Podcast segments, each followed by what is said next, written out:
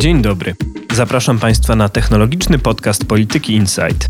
W naszej audycji sprawdzamy i wyjaśniamy, jak technologia wpływa na życie społeczeństw i jednostek, jak zmienia biznes i gospodarkę i jak łączy się z władzą i polityką. Naszymi gośćmi są eksperci i naukowcy, politycy i przedsiębiorcy, dziennikarze i analitycy. Poprzez rozmowy z nimi próbujemy zrozumieć współczesny, przesiąknięty technologią świat. Nazywam się Ryszard Łuczyn i zapraszam na dzisiejszy odcinek.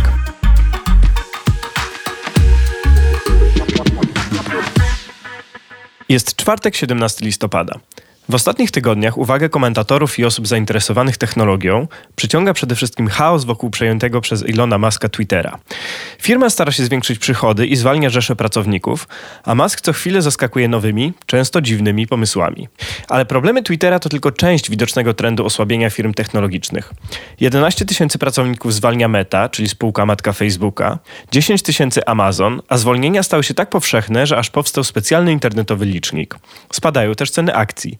Od początku roku wycena Apple'a spadła o 18%, Microsoftu o 28%, Alphabetu o 31%, a Amazona o 43%. Indeks Nasdaq, na którym notowane są te i wiele innych technologicznych spółek, jest dziś słabszy o 32% niż na początku stycznia. Problemy wydają się więc ewidentne. A w dzisiejszym odcinku porozmawiam o nich z Krystianem Łukasikiem z Polskiego Instytutu Ekonomicznego. Ja nazywam się Ryszard Łuczyn i zapraszam do wysłuchania dzisiejszego odcinka. Krystian, ja we wstępie trochę zarysowałem sytuację, ale zrobiłem to w czarnych barwach, bardzo czarnych i dość ogólnikowo, ale może ty patrzysz na to inaczej. I jak twoim zdaniem wygląda dziś ta sytuacja spółek technologicznych? Na pierwszy rzut oka faktycznie jest tak, że ta sytuacja firm technologicznych, tych największych, maluje się w czarnych barwach, no bo jest tak jak powiedziałeś, prawda? Twitter zwalnia połowę załogi, blisko 4000 osób, Facebook 13%, 11 tysięcy osób, no w przypadku Amazon dużo za zatrudnia, więc te 10 tysięcy jest tylko 3%. Jednocześnie widzimy reakcję rynku na sytuację tych firm, która właśnie objawia się malejącymi kursami akcji. No i tu faktycznie od początku roku odpłynęło z GAFAM, tych największych pięciu spółek z giełdy, jakieś 3,7 miliarda dolarów, więc nie mało. Jeżeli mnie pamięć nie zawodzi, to od tego piku facebookowego te akcje już spadły o 74%, więc jak jak się to wszystko zbierze do kupy, no to wydaje się, że faktycznie coś jest nie tak. Zanim powiem, czy faktycznie jest coś nie tak, może jeszcze słowem, dlaczego w ogóle giełda tak reaguje, skąd te zwolnienia. W dużej mierze jest to wynik opublikowania przez te firmy sprawozdań finansowych za trzeci kwartał, które, jak się okazało, w wielu tych przypadkach prezentują niższe przychody niż się rynek i analitycy spodziewali. To nie jest tak, że te firmy zaczęły przynosić straty, poza Twitterem, który wcześniej wcześniej też przynosił straty. No ale okazuje się, że miało być dużo miliardów przychodu, a jest trochę miliardów przychodu. Jednocześnie pewnie też gdzieś można rozgraniczyć na to, której firmy zła sytuacja wynika z czego. W sensie nie dokładnie tym samym zajmuje się Facebook i Amazon. I na przykład w przypadku Facebooka mieliśmy kilka takich sytuacji, które sprawiły, że firma wydaje się, że jest w złej sytuacji. Pierwszym z nich jest pierwszy od 18 lat spadek liczby użytkowników. To się nigdy nie wydarzyło, a faktycznie w zeszłym roku było tak, że w jednym sprawozdaniu jest tych miesięcznych użytkowników kilka miliardów, a w kolejnym o milion mniej. No niby niewiele, ale faktycznie rosnąć przestało. Na to się jeszcze oczywiście w przypadku Facebooka nakłada wiele kontrowersji związanych z wykorzystywaniem danych użytkowników. No ten temat już jest wałkowany od pewnego czasu, ale wciąż on nie milknie. Pytanie, czy dla inwestorów w kontekście Facebooka nie jest ważniejsze to, że Zuckerberg marnuje miliardy na metaverse. Tak, do tego też na pewno trzeba nawiązać, no bo on ewidentnie mocno się wciągnął w realizowanie tego projektu, natomiast wyniki no, są marne. To znaczy na Horizon Worlds, czyli na tej platformie mety do VR-u jest 300 tysięcy osób. No to w skali platformy, która ma prawie 3 miliardy użytkowników, to jest nic. A idą na to miliardy i to miliardy strat. Ten projekt nie przynosi zysków, ale no, reklamy reklamodawcy też jakoś tam patrzą na kontrowersje. To na przykład widać przy Twitterze może bardziej, gdzie Musk stawia się w pozycji obrońcy wolności słowa i teraz już nie będzie moderacji na platformie. No, nie do końca firmy chcą, żeby ich reklamy widniały przy jakichś bardzo kontrowersyjnych, polaryzujących treściach, więc gdzieś tam to też się na to nakłada. Tylko, tak jak na początku zaznaczałem, że wydaje się, że ta pozycja jest zła, no to musimy też pamiętać, że to są spadki z bardzo, bardzo, bardzo, bardzo wysokiego poziomu. To znaczy w pandemii te firmy zatrudniały dziesiątki tysięcy osób, zaczynały inwestować w olbrzymie centra danych. No okazało się po czasie, że ten trend wzrostowy tego cyfrowego świata jakoś się nie utrzymał, że my tak naprawdę wracamy do momentu sprzed pandemii. No I okazuje się, że mamy duże koszty, pieniędzy przypływa nie tak dużo, inwestorom to się nie podoba, no gdzieś trzeba zacząć to ciąć. No właśnie. Dobrze, że wspomniałeś o tym, że te firmy spadają z bardzo wysokiego konia, bo to jest jedno z tłumaczeń, które ja słyszę, czy też czytam najczęściej, że to jest po prostu korekta to, co się teraz dzieje, dlatego, że był ten boom pandemiczny, kiedy wszyscy zamknęliśmy się w domach, kiedy kupowaliśmy sprzęt do rozrywki, do pracy, firmy kupowały oprogramowanie, żeby móc zdalnie funkcjonować, na czym, jak zresztą było widać po akcjach, po indeksach, korzystały bardzo wyraźnie różnorakie firmy technologiczne.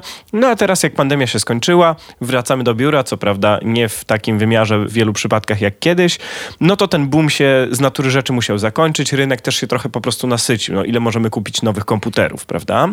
I to jest jedno tłumaczenie, ale też są takie tłumaczenia, które odnoszą się do szerszej sytuacji ekonomicznej, do rosnącej inflacji, do idących w ślad za tym wzrostem stóp procentowych.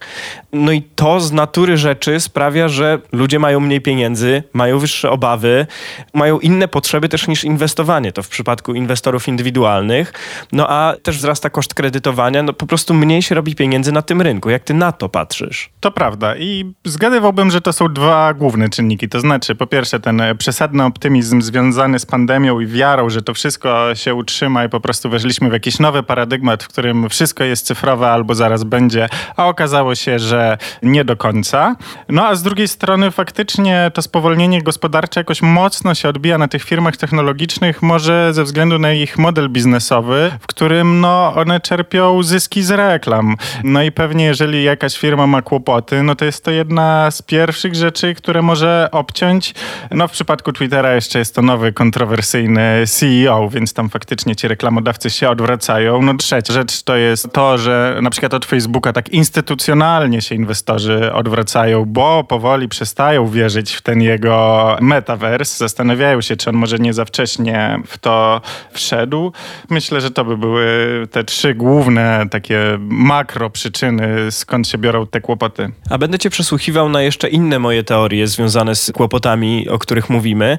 Pierwsza z nich to jest kwestia kryptowalut, bo jak się spojrzysz na z jednej strony indeksy firm technologicznych, to one spadają tak zasadniczo dość wyraźnie od jesieni zeszłego roku. To samo od jesieni zeszłego roku spadają kryptowaluty. Zastanawiam się, w jaki sposób to jest powiązane, no bo jasne, że to nie jest tak, że wszystko, co się inwestuje w firmy technologiczne, to są bitcoiny i etery i tak dalej, no ale jednak wydaje się, że te rynki mogą być powiązane, a kryzys kryptowalut jest ewidentny. Jest ewidentny, może do tego też jeszcze przejdziemy. Hmm, no one są na pewno powiązane takimi osobowościowymi połączeniami, no bo na przykład, gdy Musk zapowiedział, że on chce tego Twittera kupić, no to kto się do niego zgłosił, żeby dać mu miliardy na zakup tej platformy? Pierwsze, Binance. Binance to zrobił, ale jeszcze wcześniej była giełda, o której jest teraz głośno, bo właśnie upadła, FTX, które e, zaoferowało, że da tam te 3 czy 5 miliardów na zakup Twittera i nawet Musk się spotkał z samym Bankmanem, prezesem tej giełdy. No i gdzieś tam później tweetował, że mu się włączył bullshit detektor po tym spotkaniu i zrezygnował z tego zakupu, ale nie zrezygnował z wzięcia pieniędzy od Binance, również kontrowersyjnej firmy, ponieważ mającej chińskie korzenie. No i tutaj gdzieś widać te połączenia między światem kryptowalut a big techu. Natomiast wydaje mi się, że te wielkie spadki, które teraz widzimy na kryptowalutach, nie są do końca powiązane z tym, co się dzieje w świecie big techu. W sensie pewnie są jakieś wspólne mianowniki, rosnąca pula kontrowersji, no natomiast w przypadku firm technologicznych, no dajmy na to Amazona, jest to odwrót od e-commerce, a w przypadku kryptowalut, no teraz te spadki wynikają raczej z tego, że wyszło na jaw, jak duża jest skala oszustw i przekrętów na tym rynku. I też, e, może to jest kolejny jakiś wspólny mianownik i też ci duzi gracze, na przykład jak SoftBank czy inne duże VC, zdało sobie sprawę, kurczę, to jest ryzykowne, to nie do końca jest fajne, my nie wiemy, czy chcemy maczać w tym palce, więc znów, tak samo jak w przypadku Facebooka, Wall Street mówi, no chyba przestaje ci dobrze iść, tak samo w przypadku kryptowalut ci duzi inwestorzy instytucjonalni, no powoli zaczynają się od tego odwracać. Wydaje się, że w kontekście FTX to jest ten jeden z rzadkich przypadków, kiedy należałoby pochwalić bullshit detektor Elona Muska. To prawda. Pewnie nie należałoby go chwalić właśnie w kontekście Binance'a i Chin i... Saudów. I Saudów i tak dalej. No wiadomo, że z kolei dla Tesli Chiny są bardzo ważnym rynkiem, więc tutaj Musk jest dość wrażliwy. Ale żeby nie dryfować, to ostatni wątek, o który chciałbym się ciebie zapytać jako przyczynę tego kryzysu, który teraz widzimy, czy też problemów, bo nie wiem, czy już możemy to nazywać kryzysem, to jest presja regulacyjna. Jak spojrzymy na Europę, o tym bardzo dużo mówimy między innymi w naszych podcastach, to mamy tak naprawdę lawinę regulacji technologicznych na czele z DMA i DSA. W kontekście tego DSA był też taki symbol niedawno, jak Elon Musk przejął Twittera i pisał o uwolnieniu ptaka z klatki, tym metaforycznym, prawda, bo logo Twittera jest ten właśnie ptak, to odpowiedzią Thierry'ego Bretona, czyli komisarza do spraw rynku wewnętrznego, było, że w Europie ten ptak będzie latał na naszych zasadach. Hashtag DSA, czyli ten akt o usługach cyfrowych, który dotyczy innymi moderacji treści. Więc tutaj widać, że komisja i w ogóle instytucje europejskie ostro się zasadzają na big techy. W USA oczywiście jest trochę inne podejście, które raczej się skupia na walce z monopolami, no ale znowuż Joe Biden mianował na szefową FTC, czyli takiego odpowiednika Łokiku, Linę Khan, która jest znaną przeciwniczką big techów, chce walczyć z ich praktykami monopolistycznymi. I może to jest coś, ta presja i w zasadzie na całym świecie ona się nasila, może to jest coś, co też trochę odstrasza inwestorów od tych firm technologicznych, bo widać, że one są pod zwiększonym nadzorem. Tak, zwiększonym nadzorem i na pewno też jakaś się wiąże z tym niepewność, co z tymi firmami będzie w przyszłości, bo po prostu liczba postępowań, jakie toczą się wobec big techów jest przeogromna. One dotyczą po prostu wszystkiego, od tych praktyk monopolistycznych, przez właśnie te moderacje treści, prywatność użytkowników. No jest tego dużo i jest tego dużo na całym świecie faktycznie Europa stoi już od pewnego czasu na czele regulacji cyfrowych przedsiębiorstw. No być może po części dlatego, że są nieeuropejskie, ale to nie jest tak, że tylko my próbujemy coś z tym robić, bo jak już wspomniałeś, w Stanach Zjednoczonych też dużo różnych aktów zaczyna być procedowanych trochę przeciwko tym platformom. Przygląda się na przykład ich przejęciom innych spółek, czy one były legalne, czy nielegalne. Tutaj faktycznie może trochę silniej oni się zasadzają na tym aspekcie konkurencyjności ale też w Chinach, które są dużym rynkiem, od pewnego czasu widać, że jakieś takie kopie RODO, DSA, DMA, czy tych aktów o prawach pracowniczych za pośrednictwem platform internetowych, że te regulacje tam też są wdrażane. No więc faktycznie chyba jesteśmy w takim przełomowym punkcie, w którym wolna amerykanka się skończyła i te firmy już nie mogą robić czego chcą, a co przynosi olbrzymie zyski, tylko muszą, jak tu też zacytowałeś, grać według reguł.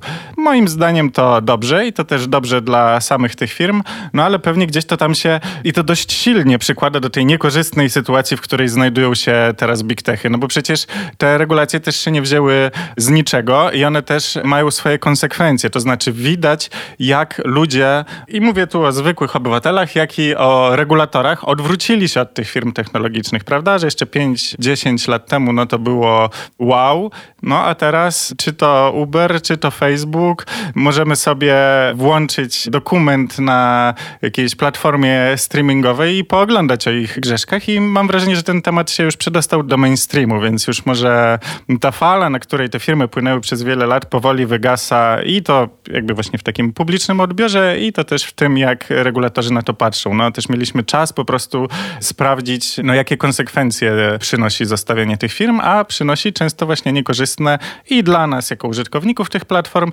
ale także dla rynku innych firm, które no, nie mogą konkurować z Facebookiem i taka firma łatwo może po prostu wykupić dobry startup i go zabić i na to też są raporty FTC, czyli tego amerykańskiego UOKiK-u, które pokazują, jakimi metodami te firmy budowały swoją pozycję. To nie było tylko dostarczanie super fajnej aplikacji, z której my wszyscy chcemy korzystać.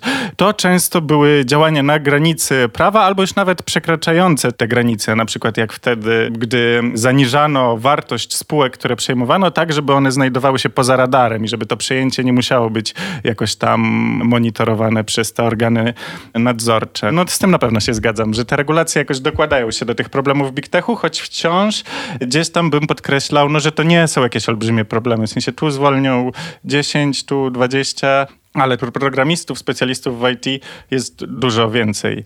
I no nie wiem, właśnie jak widziałem te liczniki, o których wspominałeś, to one tam różnie pokazują, zależy, który się kliknie, ale że tych zwolnień jest tam od 100 do 200 tysięcy w spółkach technologicznych. Chyba na skalę Ameryki to nie jest tak dużo i też są takie przewidywania, że no dobra, to teraz Facebook musi ściąć tych pracowników, żeby obniżyć koszty, pokazać inwestorom, hej, dalej jesteśmy świetnie funkcjonującą spółką, która przynosi dużo pieniędzy.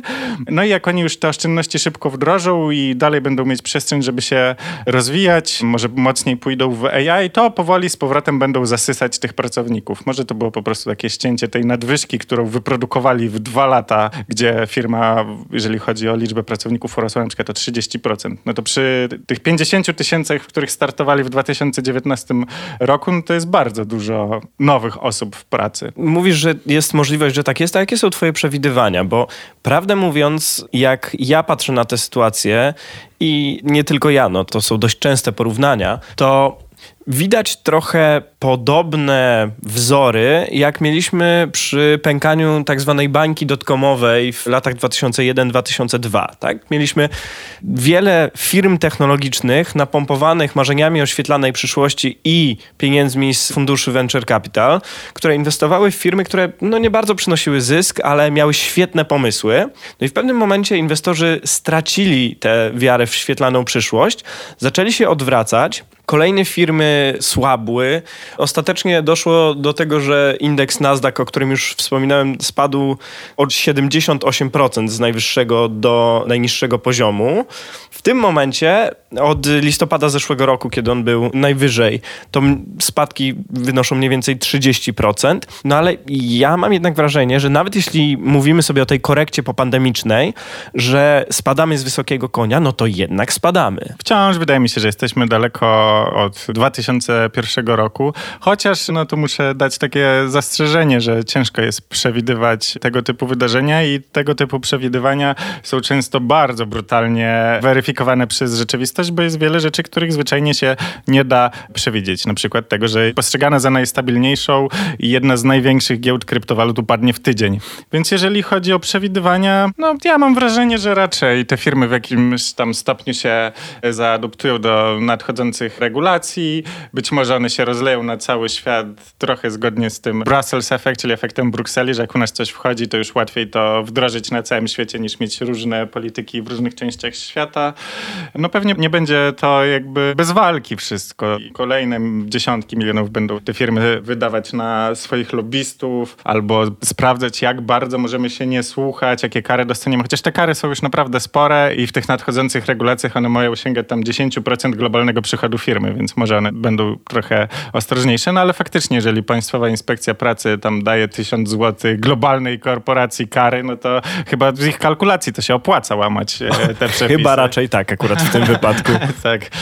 No to chyba tyle. Nie wydaje mi się, żebym tu miał jakieś po prostu, wiesz, radykalne i interesujące przewidywania, czy to upadnie, czy nie upadnie. Potencjalnie wyobrażam sobie na przykład, że możemy widzieć jakiś dryf na wschód dalszy, tak? To znaczy, tak jak spojrzymy choćby teraz na wzrost TikToka, który rzeczywiście no, szybko staje się coraz mocniejszy, to widzimy rosnącą konkurencję wobec tych amerykańskich, europejskich za bardzo nie ma właśnie tych największych firm technologicznych ze strony firm z kolei wschodnich, więc być może te kłopoty firm zachodnich, choć wschodnie też swoje mają, przyczynią się do tego, że no centrum się trochę przesunie na wschód, to centrum technologiczne. Wiesz co, to jest świetny punkt i wydaje mi się, że nawet nie tyle, chociaż też jeżeli chodzi o rozwój nowych firm na wschodzie, ale że te amerykańskie firmy coraz bardziej posuwają się na wschód. Tutaj we wcześniejszym fragmencie podcastu wspomniałem o tym, że Facebookowi w zeszłym roku ta liczba użytkowników spadła o milion, ale od tamtej pory wzrosła o 39 milionów.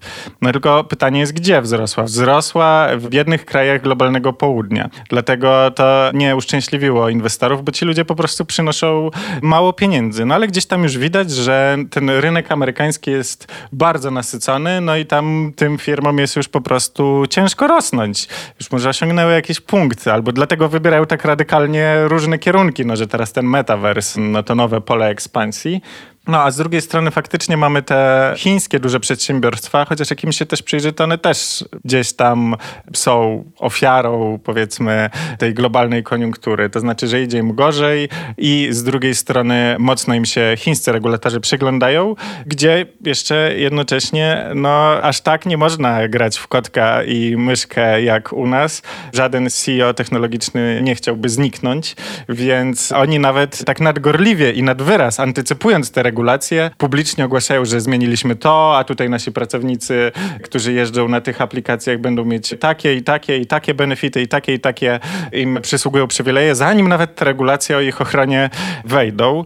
No, a jednocześnie jakoś nie widzę tego, żeby nagle te firmy, no TikTok to jest dobry przykład, że to się udało, ale na przykład te przewozy samochodów, no nie wiem czemu na przykład w Europie miałoby teraz podbić ten rynek, prawda? One tu też muszą tym samym przepisom podlegać i już nie wejdą tak tak jak Uber, który po prostu wszedł e, cały na biało, bez skrępowania po prostu też gdzieś tam na granicy prawa, no wykorzystywał tych kierowców, którzy sami musieli płacić za ubezpieczenie, za samochód i tak dalej, przez co oferowali tańszą usługę, no to ten moment już minął, więc te na przykład chińskie duże przewozowe aplikacje, no raczej straciły swoją szansę, żeby tu podbić ten rynek, no chociaż znowu gdzieś tam będę to tonował, że wiele z tych rzeczy nie da się przewidzieć, no kto jakiś czas temu by się spodziewał, że Facebook już przestanie być rzeczą, przestanie być sexy. Te spadki to są właśnie największe u młodych ludzi, którzy wskoczyli na TikToka i być może za chwilę na coś nowego. Teraz chyba taka aplikacja Biril jest e, popularna. Jest. Młodsi członkowie redakcji namawiają mnie do, do tak. zainstalowania. Jeszcze tego nie zrobiłem. Ale faktycznie, tam na wschodzie jest jeszcze duży rynek i duże pole do ekspansji i pewnie wraz z tym, jak te kraje będą się stawać coraz bogatsze, tym coraz chętniej te firmy będą chciały się tam przenosić i jednocześnie takich powiedzmy powiedzmy dolin krzemowych powstaje coraz więcej w różnych częściach świata. No, Chiny chyba jakoś najbardziej dominują, no ale nawet gdzieś tam w Rwandzie bodajże tworzą się różne takie centra technologiczne, no i ten kraj też ma ambicje stworzyć taką trochę afrykańską dolinę krzemową. Czyli podsumowując i biorąc poprawkę na to, że niełatwo jest przewidywać przyszłość, te apokaliptyczne wizje, które zarysowałem na początku naszej rozmowy, niekoniecznie muszą się sprawdzić. Być może raczej mamy do czynienia z korektą po pandemicznym okresie bardzo szybkiego wzrostu i to, co jest teraz dość prawdopodobne, to to, że nie mamy do czynienia z pękaniem bańki tak jak 20 lat temu, tylko raczej właśnie z tym, że niedługo sytuacja się ustabilizuje, a firmy trochę bardziej będą spoglądały na wschód, ale będą. To prawda, podpisałbym się pod tymi słowami, chociaż gdzieś tam trzeba mieć z tyłu głowy, że jest wiele rzeczy, których nie możemy przewidzieć, jak na przykład pandemia, która no, z jednej strony kosztowała nas wiele ofiar, ale z drugiej strony strony dla big techów była okresem prosperity, którego też one nie mogły się spodziewać. I na tym naszą rozmowę zakończymy. Dziękuję Ci bardzo. Z nami był Krystian Łukasik z Polskiego Instytutu Ekonomicznego. Dzięki.